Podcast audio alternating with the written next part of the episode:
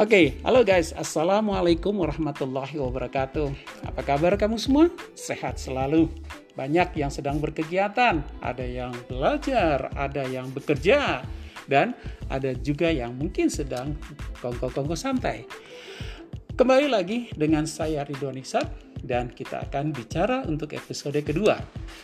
Guys, setelah di episode pertama kita berbicara mengenai stikes IMC. Apa itu stikes IMC Bintaro? Nah, pada kesempatan ini ada sama saya ketua program studi S1 Kesehatan. S1 Keperawatan, sorry ya, S1 Keperawatan. Ya, Ibu Oriza Intan Suri uh, sebagai Kaprodi. Apa kabar Bintan? Pak Ridwan. Thank you ya sudah di-invite ke podcastnya siang ini. Sehat, Alhamdulillah. Okay. Gimana nih? Apa tema kita hari ini? Baik, Bu Intan, banyak yang bertanya.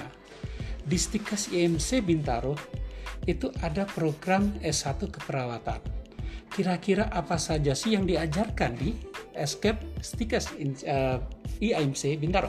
Well, kalau kita membahas tentang S1 keperawatan yang ada di pemikiran teman-teman semua pasti uh, bayangannya adalah sosok atau figur perawat yang memang memberikan pelayanan di rumah sakit, bisa di pelayanan masyarakat, bisa juga di tatanan klinik ya. Yeah. Tapi pembeda kita di Stikes IMC ini adalah teman-teman atau mahasiswa yang berkuliah di IMC ini mm-hmm. itu sudah dibekali dengan mata kuliah-mata kuliah yang nanti ketika uh, lulus dari Stikes IMC nggak mm-hmm. perlu khawatir lagi nih gitu. Mm-hmm. Dalam arti kata mm-hmm begitu keluar sudah yeah. launching dan sold out gitu ya. Ah, Jadi gitu. kita punya uh, pembeda-pembeda lah, penciri ya dengan institusi lain di mana di semester 1 ini anak-anak sudah kita bekali dengan caregiver hmm. atau bagaimana cara kita atau cara eh, perawat memberikan pelayanan kesehatan di tatanan lansia gitu. Okay. Itu juga caregiver sudah ya, jadi Bu, ya, Iya, betul. Okay. Itu pun nah, sudah jadi modal ya hmm. karena mereka nanti akan bersertifikat begitu. Okay. Itu di bawah uh, eh, LKP IMC juga. Oke. Okay, Terus nextnya kita ada program bahasa Jepang karena memang kita konsis uh, untuk mengirim anak-anak ini ke Ginoji Suse ya, yang artinya mereka nanti akan bekerja dan internship di Jepang begitu. Di semester berapa itu ibu?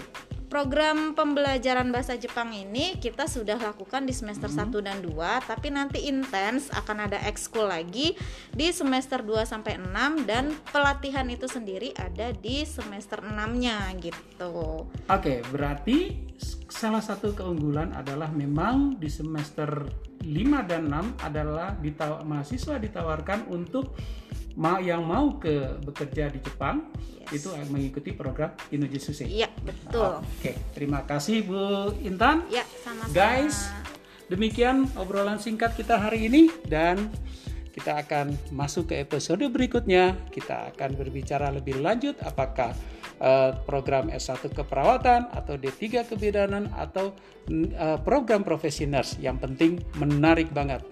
Thank you very much. This is I your host Ridwan Isan. Selamat siang. Assalamualaikum warahmatullahi wabarakatuh.